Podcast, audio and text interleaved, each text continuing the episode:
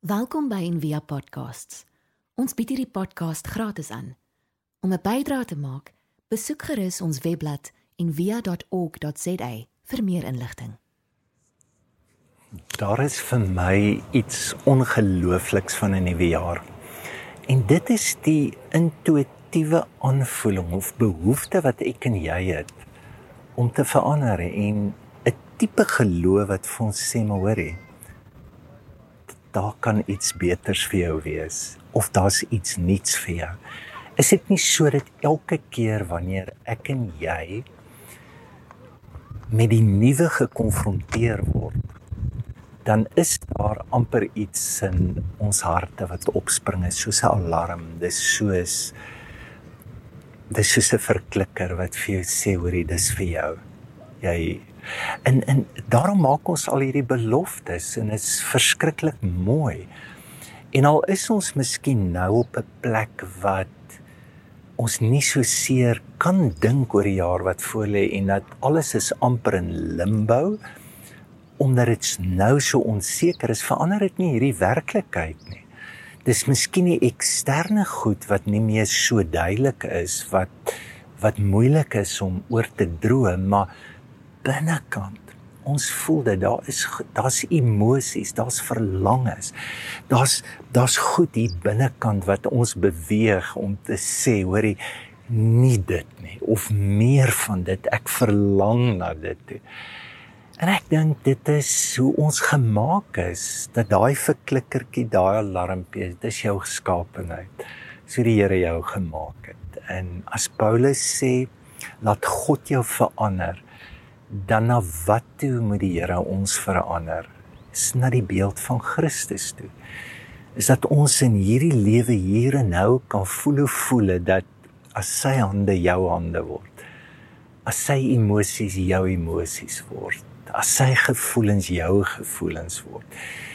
En jy sal nooit nooit tevrede wees met hierdie lewe en al gee hierdie lewe vir jou wat want baie keer is hierdie diepste verlangens van ons eintlik maar net 'n misplasing van eintlik van jou eie geskaapenheid wat jy soek.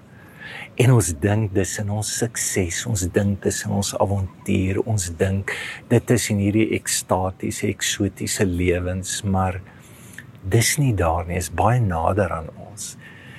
En ek dink dis die gawe van 'n nuwe jaar en al lees ons dit verkeerd, dit dit sal nooit ophou om jou uit te nooi. Nou Sheila Cousins het 'n verskriklike mooi beeld wat sy vir transformasie het. En sy sê hierdie hierdie lewe wat God ons na uitnooi is een wat wat ons verander word en sy noem dit 'n sagte sprong. Nou ek sal nooit vergeet um Carissa my dogter was baie klein en ehm um, ja sy ek sy kon nog nie eens behoorlik praat nie. En dit voel soos gister wat sy ehm um, by die swembad staan met haar klein geel bikinietjie en ons skiet die water so na en dan snik sy so en later sê ek van maar my bokka spring pappa sien jou vang. En dit het verskriklik baie moed gevra voordat sy spring en toe spring sy op die einde en daai en sy sluk so 'n bietjie water ook en haar oogies toe dit so oop gaan toe sê sy nog nog meer meer nog. En ek dink baie daarin dit is is vir my amper die, die lewe waarna toe die Here vir my en jou uitnooi. Ehm um, ja dis een wat as jy vir hom geproe het nê nee, dan vra hy vir nog en nog. En dan word dit 'n nuwe manier nuwe gewoontes in ons lewe wat ons help om die nuwe en die verrassings en die inbrake en hierdie hierdie hierdie hierdie uitnodigings van daai uitnodigings sal altyd daar wees as kom net die diep kant toe. En is nie net 'n blinde spring nie, dit is daar's 'n pa wat wat vir jou kan vang, wat jou wil vang. En ehm um, ja, dit dit anker ons in ja, 'n baie diep lewe in. En as jy soos ek is, ek het al hoeveel nuwe jare gehad wat ja, jy voornemens, jy jy wil graag goed doen, maar dan dan dan gebeur dit maar net. En ek dink as jy ouer word, dan is dit amper asof jy ja, jy raak te slim, nê? Jy raak nie meer so opgewonde oor 'n nuwe jaar nie, want jy weet dit hou, nê? Want daar's ook 'n meer en meer en meer en 'n tipe vorming, 'n gewoonte lewe wat ons altyd terugdruk na dieselfde toe en ons kry altyd meer van dieselfde.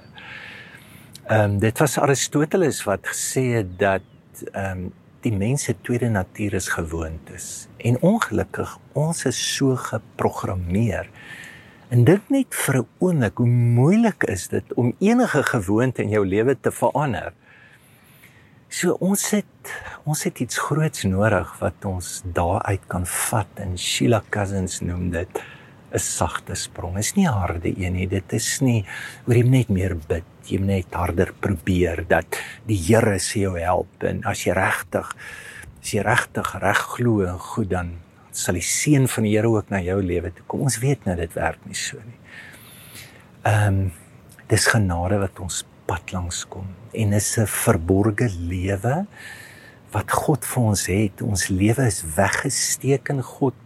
Kolossense 3 sê ons lewe is verborge in God en is is daai lewe wat jy ontdek. Dis 'n ongelooflike lewe. Dit is die onmoontlike moontlike. Nou kom ons praat net oor die sagte sprong en ek het gedink aan drie goed. In die eerste plek 'n sprong is van een plek na 'n ander plek en ek dink dat die Here nooi ons uit veral na hierdie drie goed om van die rasionele van die van realisme na geloof toe te gaan. En is moeilik, nê, nee, want ons hele lewe is maar geskool op logiese feite, die rasionele, die bewysbare en ongelukkig het ons dit ook in die kerk gedoen. Dat is wat wat ons met die Bybel gedoen het en ons geloof het ons ook geloofsekerheid genoem. Wat 'n oksimoron is, want as jy seker is, hoef jy nie geloof te hê nie. Ehm um, geloof is heeltemal iets anders. Ehm um, in Paulus sê in 2 Korintiërs 5 vers 7, hy sê ons wandel nie deur aanskouing nie, nie nie deur wat ons sien nie, nie deur wat ons voel nie, nie deur wat ons kan bewys nie. Hy sê maar deur geloof. En dit is soos iemand en dis hoe die lewe ons ook behandel wat ons baie keer hard trap en hard laat val. En die skoen en die vuis van die lewe is in ons gesig in die modder. En dan sê geloof nie oor die gelukkige gebeur het nie. Geloof sê ook nie is net 'n kwessie van tyd dan verander dit. Geloof aanvaar die die realiteite van hierdie lewe. Maar hy lewe met 'n voorbou met met die moontlikheid en met die moontlikhede van die lewe met 'n verrassing met met 'n inbraak, met ja, met 'n opstanding. Dis tog die wese van dit wat ons glo is, as daar 'n krisis, as daar swaar is, is daar ook 'n opstanding. En dink vir 'n oomblik daaraan as Jesus ons uitnooi na 'n gekruisigde lewe toe. Hoeveel groter is die kans van 'n meervoudige opstanding? omdat ons ons lewe anker in wie hy is. Dan in die tweede plek dink ek moet ons van wensdenkery na hoop toe gaan. En dis die gawe van geloof, nê? Nee? Geloof vat ons wensdenke ons dagdrome wat ook nie verkeerd is nie. Ons het dit nodig, maar die probleem is as dit net dagdrome is, sal ons moedeloos maak dit moet ook gegrond en geanker word in iets. En dis wat geloof doen. Vat ons wense, ons drome en dit sit dit in die beloftes wat die Here vir ons lewe het, want dit is wat hoop is. Hoop is gefundeer op wat die Here sê, die beloftes. Dis soos met Karissaatjie, dis 'n pa wat staan en sê jy kan maar spring. Ek beloof vir jou pappa sal jou vang. Dan is daai sprong. Dit is nie 'n kans wat ek vat nie. Dit is nie blinde geloof nie, dit is gegrond in 'n diep hoop dat God daar is. En dan die laaste ding. Ek dink hierdie sprong in ons kan ons lewe so orienteer dat ons van wag na verwag toe gaan. Verwagting. En en en net die woord verwag is vir my so mooi want dis die hele verhaal van Maria en simbolies die die die moontlikheid dat dat daar iets gebore word dat dit nie net kopgoed is nie dat dit nie maar dat dit oorgaan in reële dade in ons lewe. En hier is die gawe nê. Ons moet ontnigter word.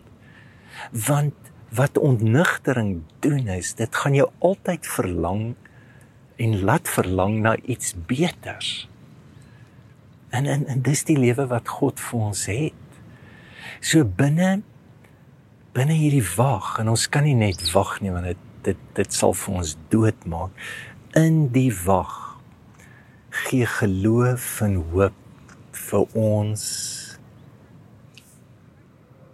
die geboorte om te kan doen. En ek dink aan Jakobus, Jakobus 1 het hierdie beautiful beeld van versoekings. Hy sê as iemand versoek word, is maar jou gedagtes wat jou weglok en as daai gedagtes ontvang word dan baar dit sonde. So sy idee was die woordjie ontvang is om bevrug te word. So jou jou innerlike wêreld is 'n plek waar daar gedurig deur saad gegee word wat ontken wat jou gaan laat optree, wat wat vir jou laat gaan doen, wat vir jou die weer en nog en nog en nog van jou lewe vir jou gee. Dink vir 'n oomblik as jou gedagtes en jou innerlike wêreld geanker is in 'n diep diep geloof en dit word die saad, dit word die bevrugting.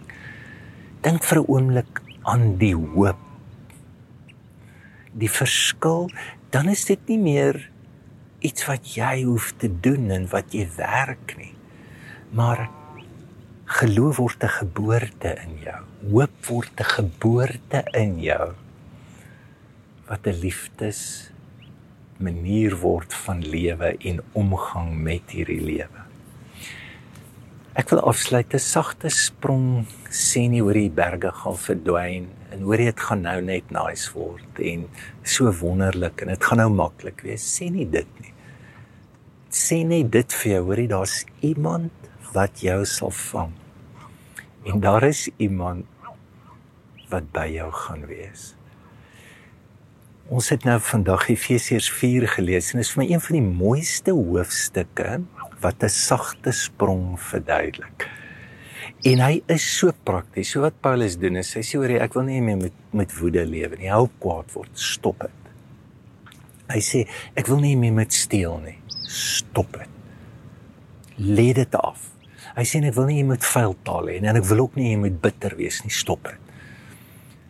Maar dis nie al wat hy sê nie. Hy sê nie hou op, hou op, jy mag nie, jy mag nie, jy mag nie. Hy wys eintlik vir jou hierdie val en hierdie beweging en hierdie sprong waarin God jou laat val. Hy sê moenie kwaad word nie, maar wil jy nie met ontferming leef, met genade leef. Hy sê hoop om te steel. Dan werk met jou eie hande dan jy iets om vir iemand anderster te kan gee. Hy sê moenie veldtaal praat nie. Hou op met jou vuil mond. Hy sê maar sê net woorde wat genade gee aan ander wat dit hoor. Dan sê moenie bitter word nie. Vergewe. Jy kan met alles wat ons sukkel en al slaan die golwe van hierdie lewe ons so in elke golf is daar 'n val, is daar 'n plek, is daar 'n beweging waarna God ons kan neem. Mag jy in 2020 voel hoe sag dit is. Hoe gou dit is, hoe onbeplan dit is, hoe min moeite dit is. As die God wat hierdie skepping in sy hande vashou. Jou beweeg en jou vang. En hy vasvat is 'n groot vashou. Dat jou lewe gaan ook uitroep en sê Here asseblief weer weer weer weer. Ons hoop van harte jy het hierdie podcast geniet of raadsaam gevind. Besoek gerus en via.ok.za vir meer inligting.